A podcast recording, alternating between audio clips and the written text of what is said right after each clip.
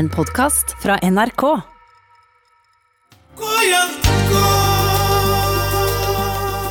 Afrika.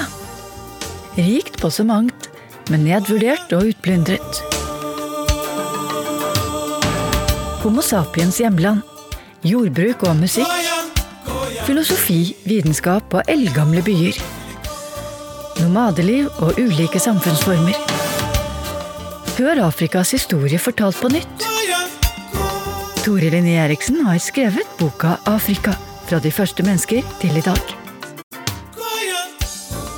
Men vi har jo ikke vært gjennom Sahara. Bokstavelig talt. Sahara har en gang vært grønn. Når dette enorme landområdet begynte å tørke ut, fant det sted en stor folkevandring i retning av Nilen og fruktbare områder der. Og de bidro til befolkningen i Egypt.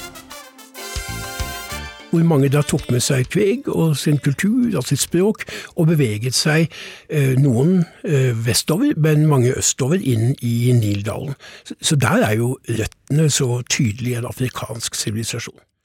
Det er først de aller siste årene vitenskapen har kunnet fastslå at Sahara har vært grønn. Og det i perioden fra rundt 7000 til 3000 år før Kristus, altså frem til for 5000 år siden. Og dette skyldes endringer i monsunregnet. Så etter dette så, så var det jo da ørken. Og Tore Linné Eriksen, hvordan har menneskene greid seg, og hvordan har de levd av denne ørkenen?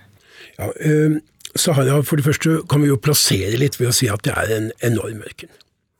Den er 4500 km fra øst til vest. Og den er nærmere 2000 km fra nord til sør. Og utgjør vel omkring 8% av jordas landoverflate. Og du kan trygt plassere hele USA liksom inn i Sahara. Og Det betyr at Sahara er jo ikke en sammenhengende ørken i den forstand at det er et flatt sandlandskap. Det er fjell, det er store områder som er mer sånn preget av stein, men det er også områder med oaser, som er veldig viktige for at folk kan overleve, og sørge for at husdyr får vann, særlig vi snakker om kameler her, får vann, at det er mulig her å dyrke flere vekster. Det er også enkelte undervannsvannanlegg under ørkenoverflatene flere steder. Og Det ser vi i dag med store planer og prosjekter, ikke minst i Libya, om å utnytte det på samme måte. Det er jo store grunnvannsressurser etter den tida hvor Sahara ikke var en tørr ørken. Og oasene her er jo grunnlaget dels for en bosetting i en del av de større oasene, men de er jo særlig grunnlaget for at det er steder hvor kamelkaravaner gjennom ørkenen i hele tatt er mulig. Fordi dette er jo et område som det kanskje kan ta et par måneder å krysse. Sahara er ikke først og fremst en barriere, men et transportområde, slik vi kan lese i boka di, og som binder da Nord-Afrika til de midtre landområdene på kontinentet, og Vest-Afrika til Øst-Afrika. Og sånn sett har Sahara fungert som en eldgammel ferdselsåre. Så hvordan har dette påvirket utveksling av kunnskap, mat og andre handelsvarer? Det har vært en handel gjennom Sahara. Også lenge før den islamske perioden fra 600-tallet, men handel fikk nok et oppsving da. Men det har vært en handel gjennom Sahara, blant annet fordi det er store saltressurser. Og det salt er jo noe som er igjen etter den gang det var vann. Tsjadsjøen var jo på det meste kanskje 15 ganger større enn den er i, i dag. Det er også enkelte områder i Sahara hvor man tidlig kjente til at det var forekomster av kobber.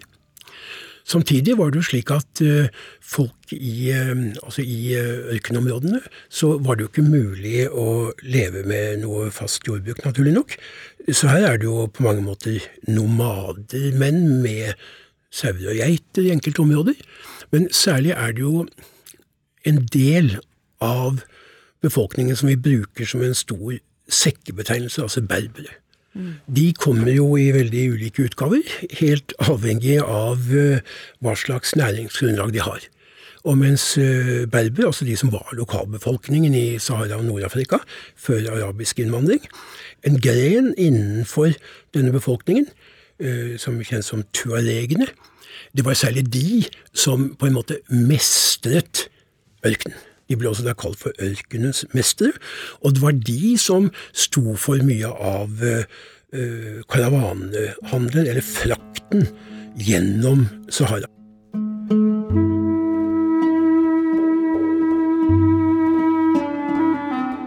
Men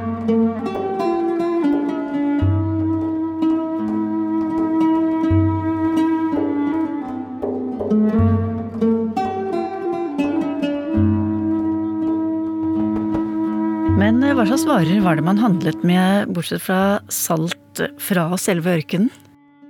Ser vi Sahara, ikke bare i sammenheng med Nord-Afrika nordover, men ser Sahara i sammenheng med områdene lenger sør, så ser vi jo at det var områder lenger sør hvor det var mulig på savannen og, og, dyrke korn, som jo ble eksportert innover til folk som bodde i, i Sahara. De eh, kunne produsere tørket fisk, som folk fra Sahara da byttet med, med kobber og, og salt. Enda lenger sør, i den tropiske regnskogen, så var det colanøtter som har stor betydning. Det var det som ble brukt bl.a. i den første fasen av Coca-Cola-drikken. Koffein der som var viktig, som var stimulerende. Og det er jo et mildt stimulerende stoff som gjorde at etter hvert, etter at islam fikk et sterkere feste i Nord-Afrika, også kunne brukes fordi det ikke var en alkoholholdig drikk, men en annen stimulans. Mm. Så alltid er det handel på kryss og tvers, der hvor det er ulike økologiske soner. Og da er det så små samfunnsgrupper som dyrker og holder sammen, og så har du nomader. Og så har du tuaregene som, for å si det litt enkelt, da, som sørger for transporten gjennom ørken med sin spisskompetanse og med sine kameler. Ja, kamelen er jo her Man kommer jo ikke unna å oppse beundre kamelen, eller å tillegge kamelen stor historisk betydning.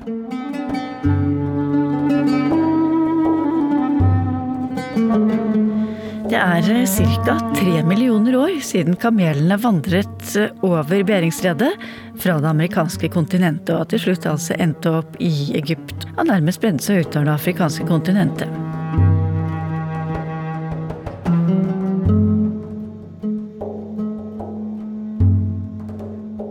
Hvor stor betydning har kamelene hatt? Kamelen kom jo over, over til Egypt først. Uh, men det tok noen hundre år, kanskje nærmere inn til vår tidsregning, før kamelen ble vanlig gjennom Sahara. Og det er jo et usedvanlig velegnet dyr, og det er vanskelig å tenke seg karavanehandel, uh, eller handel gjennom dette enorme Sahara-området, uten kamelene, som dels er sterke, og som kunne bære opptil 250 kilo på ryggen sin.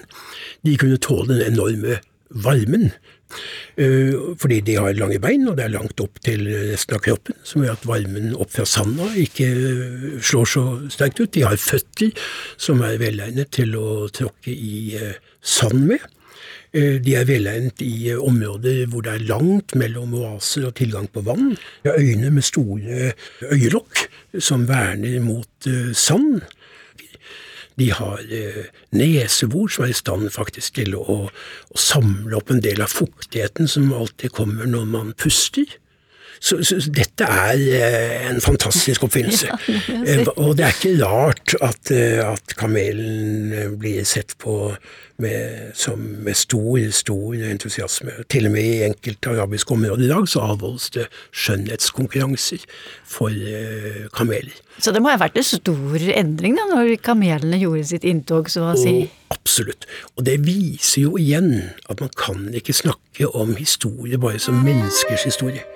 Det er samspillet med mennesker og andre dyr, eller mellom mennesket og naturen, eller andre deler av naturen, eh, som er en slags rød eller grønn tråd eh, gjennom historien. Og dette er en understrekning av det. Sahara var også en viktig ferdselsåre for gullhandel. I Vest-Afrika sør for Sahara var det store gullforekomster i skogsområdene. Og arabiske handelsfolk som kom til området på 600-700-tallet, fikk organisert en storstilt utvinning av gullet, annet ved hjelp av slaver. Og store riker vokste etter hvert frem gjennom de neste 500 årene. Gullet ble transportert gjennom Sahara og videre over Middelhavet til Sør-Europa, skriver Tore Linné Eriksen i boka si Afrika. Mesteparten av gullet ble gravd fram eller vasket ut ved elvebreddene, der bøndene utførte arbeidet i perioder hvor jordbruket krevde mindre innsats. Men på steder med dypere gulleier og gruvedrift på heltid ble slaver satt til de mest slitsomme og farefulle oppgavene. De verdifulle mineralene ble først fraktet på esler og kanoer nordover på Niger, for deretter å bli lastet over på kameler. Det var ikke kontroll over selve produksjonen, men skattlegging av mellomleddene i handelen som ga grunnlaget for en herskeklasse og et voksende statsapparat. Uh, gull og handelen med salt og kobber og sånn er jo mye av grunnlaget for framveksten av større riker i Vest-Afrika fra 700-800-tallet. Det betyr ikke at uh, det ikke var statsdannelser eller byer før det.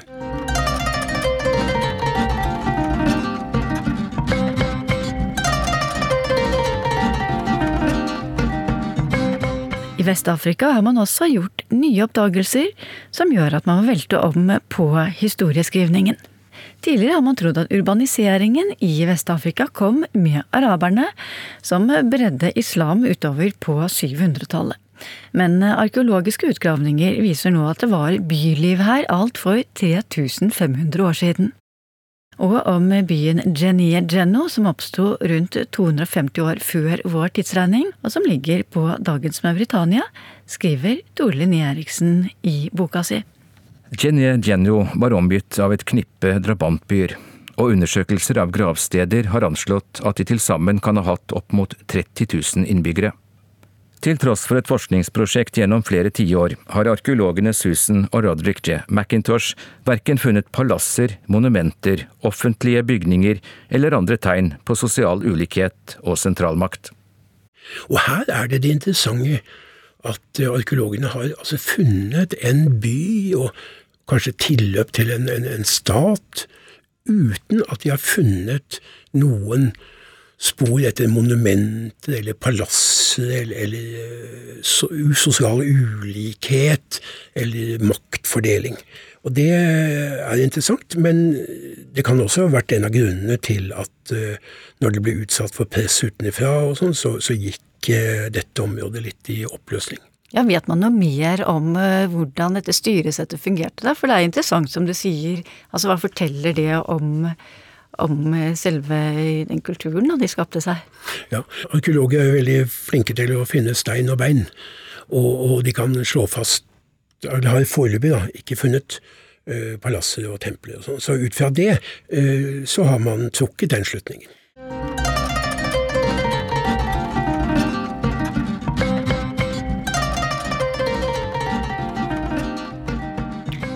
Beveger vi oss østover på kontinentet kommer vi til slutt til de fruktbare områdene langs Nilen.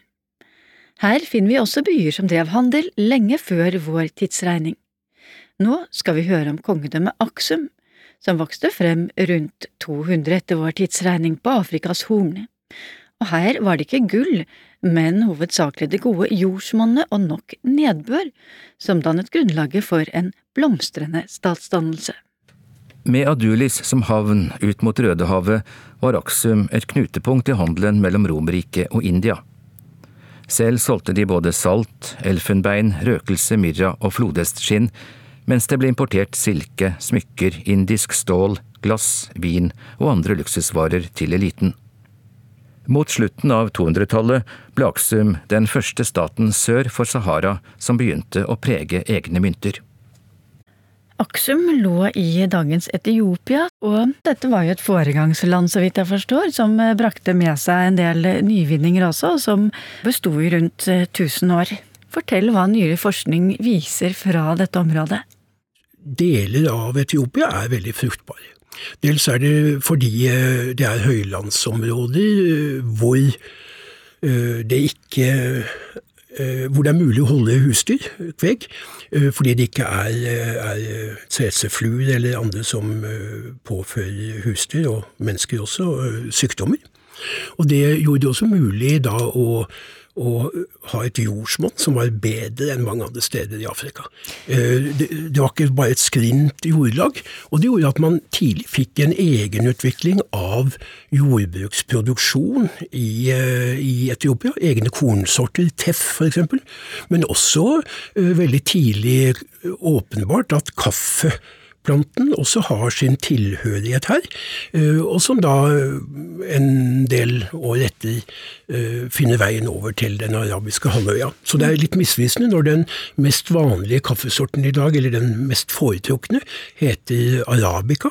Den kommer jo opprinnelig planten herfra. Og det interessante med den staten, Aksum, er jo også at kristendom ble den offisielle statsreligionen fra 300-tallet. Og det har den vært i, fram til uh, våre dager.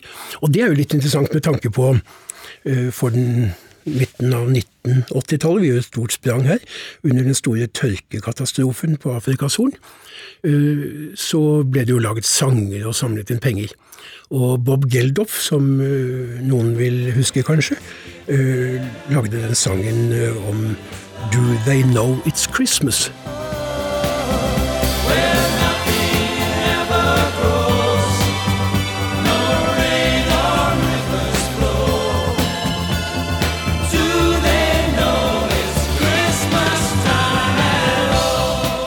Vet de i Etiopia at det er jul? Ja. Eh, det, det, vet de, ja, og det har etiopiere visst betraktelig lenger enn eh, folk på de britiske øyene.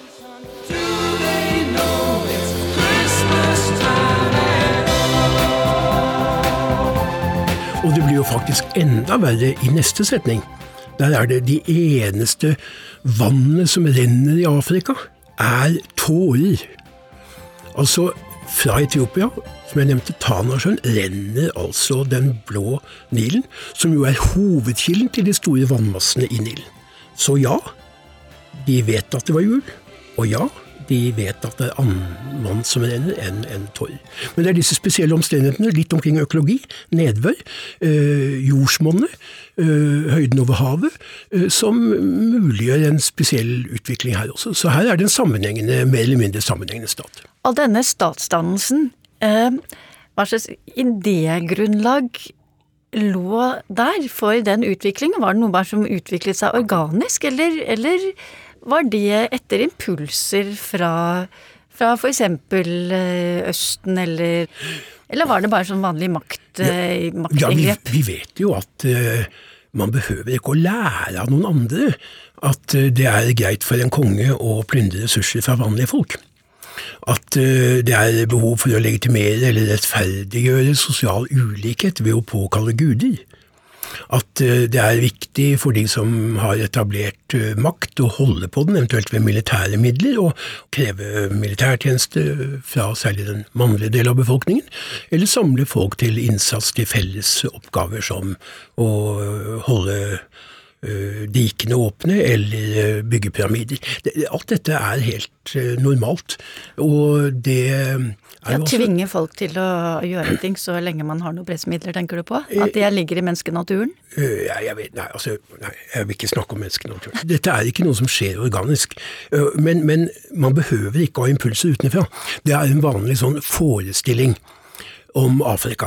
At hvis det skjer liksom jordbruksrevolusjon, så må det være fordi de hadde lært fra den fruktbare halvmånen, Middelhavet og, og Tyrkia og, og, og, deler av Midtøsten. som om de ikke kunne finne på dette selv. Det er klart at her uh, har det vært sanket inn vekster uh, av uh, nomader, og en del har oppdaget at noen vekster er bedre enn andre, noen er mer fruktbare, noen smaker bedre, noen holder seg lenger når de må lagres, og ut fra det så velger man ut noen og luker vekk andre planter, og man vanner noen som virker mest lovende, og dette skjer jo omtrent på samme tid, eh, kanskje 10 000 år tilbake, eh, omkring samme tid i store deler av verden.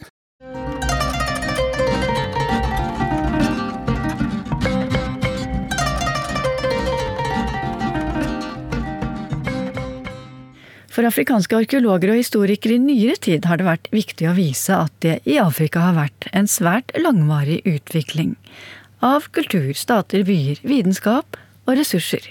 Satt opp mot den kolonipregete formidlingen om at kontinentet så å si har ligget i mørket inntil den hvite mannen dukket opp. De mest utbredte livsformene har ikke desto mindre vært desentraliserte samfunn og nomadeliv, så er ikke dette verdifullt da, Tore Linné Eriksen? Den oppmerksomheten som er veldig forståelig for å vise liksom at vi hadde store riker. Vi overfor riker ble ofte satt likhetstegn mellom store riker eller sterke stater og sivilisasjon. Det er jo i og for seg en um, merkelig forestilling. At det skulle være mer sivilisert å bo i en stat med stor forskjell mellom rik og fattig, og hvor mange må arbeide for en overklasse og hvor mye av eh, grunnlaget eller mye av ressursene blir brukt til å bygge katedraler og sånn, istedenfor å, å forbedre boligene for vanlige folk. Men sånn er det i hvert fall da blitt, og det mente da mange historikere, afrikanske historikere at man burde løfte fram. Men det har jo da skygget litt for andre samfunnstyper. Og det er klart at de fleste i Vest-Afrika eh, har jo da ikke levd i store stater eller gitt fra seg så mye av det de produserer og sånn, eh, til herskerklasser. Og et typisk eh, slik samfunn finner vi i det sørøstlige delen av dagens Nigeria, hvor det bor folk som vel har en slags språklig fellesbetegnelse, igbo. Og det er interessant. Dette er da folk som bor i lokalsamfunn som i dag kan kalles for desentraliserte samfunn, altså uten noen konge eller dronning eller herskere, og uten noe sentralt uh, presteskap, og, som da stort sett har bodd uh, spredt, uh, dyrket jord. Og dette har vært en samfunnsform de har åpenbart ønsket å leve i. Fordi de har jo visst at det fantes områder med andre former for statsskikk. Et sånn ordtak som brukes her ofte, er at igboer har ingen konger, dvs. Si at de visste hva konger var. Men mye av forutsetningen øh, for dette har jo vært en relativt spredt bosetting, som gjør at det har vært jord nok øh, til å gjøre seg uavhengig. Men det betyr ikke at disse styreformene bare var oppsi lovløshet eller anarki. Selvfølgelig var det etiske normer. Eh, når det ikke er et skriftspråk og normer eller etikk som avledes av en eller annen skriftlig bok, så blir det desto viktigere i fellesskap å utforme normer som folk føler seg forpliktet av. Når det ikke er noen sentrale myndigheter som bestemmer, eller utvikle en egen politikerklasse, Eh, så er det jo større muligheter for folk flest til å ha et ord med i laget. Og det er viktig å kunne forankre beslutninger truffet i fellesskap da, i større deler av befolkningen for å gi det en legitimitet. Man må si at dette er riktig å gjøre, ikke fordi Gud eller kongen har sagt det, men fordi vi finner at dette her er en god måte å løse problemer på. Og Hvor vellykket har dette vært, da? Ja, Det er vanskelig å måle hvor vellykket det er. De som bor der, har, har beholdt den valgte å bo på denne måten, eh, omtrent helt fram til eh, koloniseringa. Og man kan si vellykket i hvilken forstand.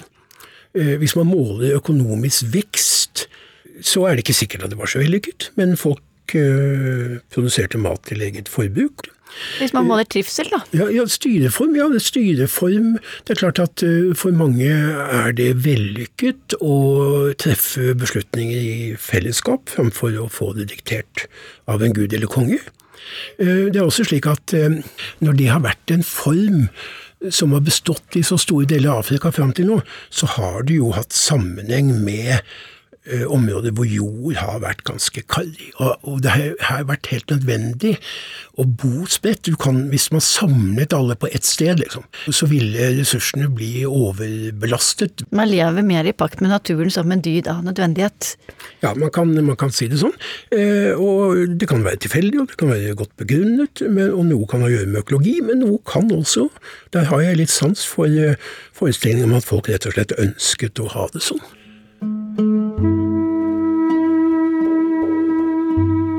Neste episode skal vi høre historiker Tore Linné Eriksen fortelle om religionens plass og invasjonen av kristendommen og islam.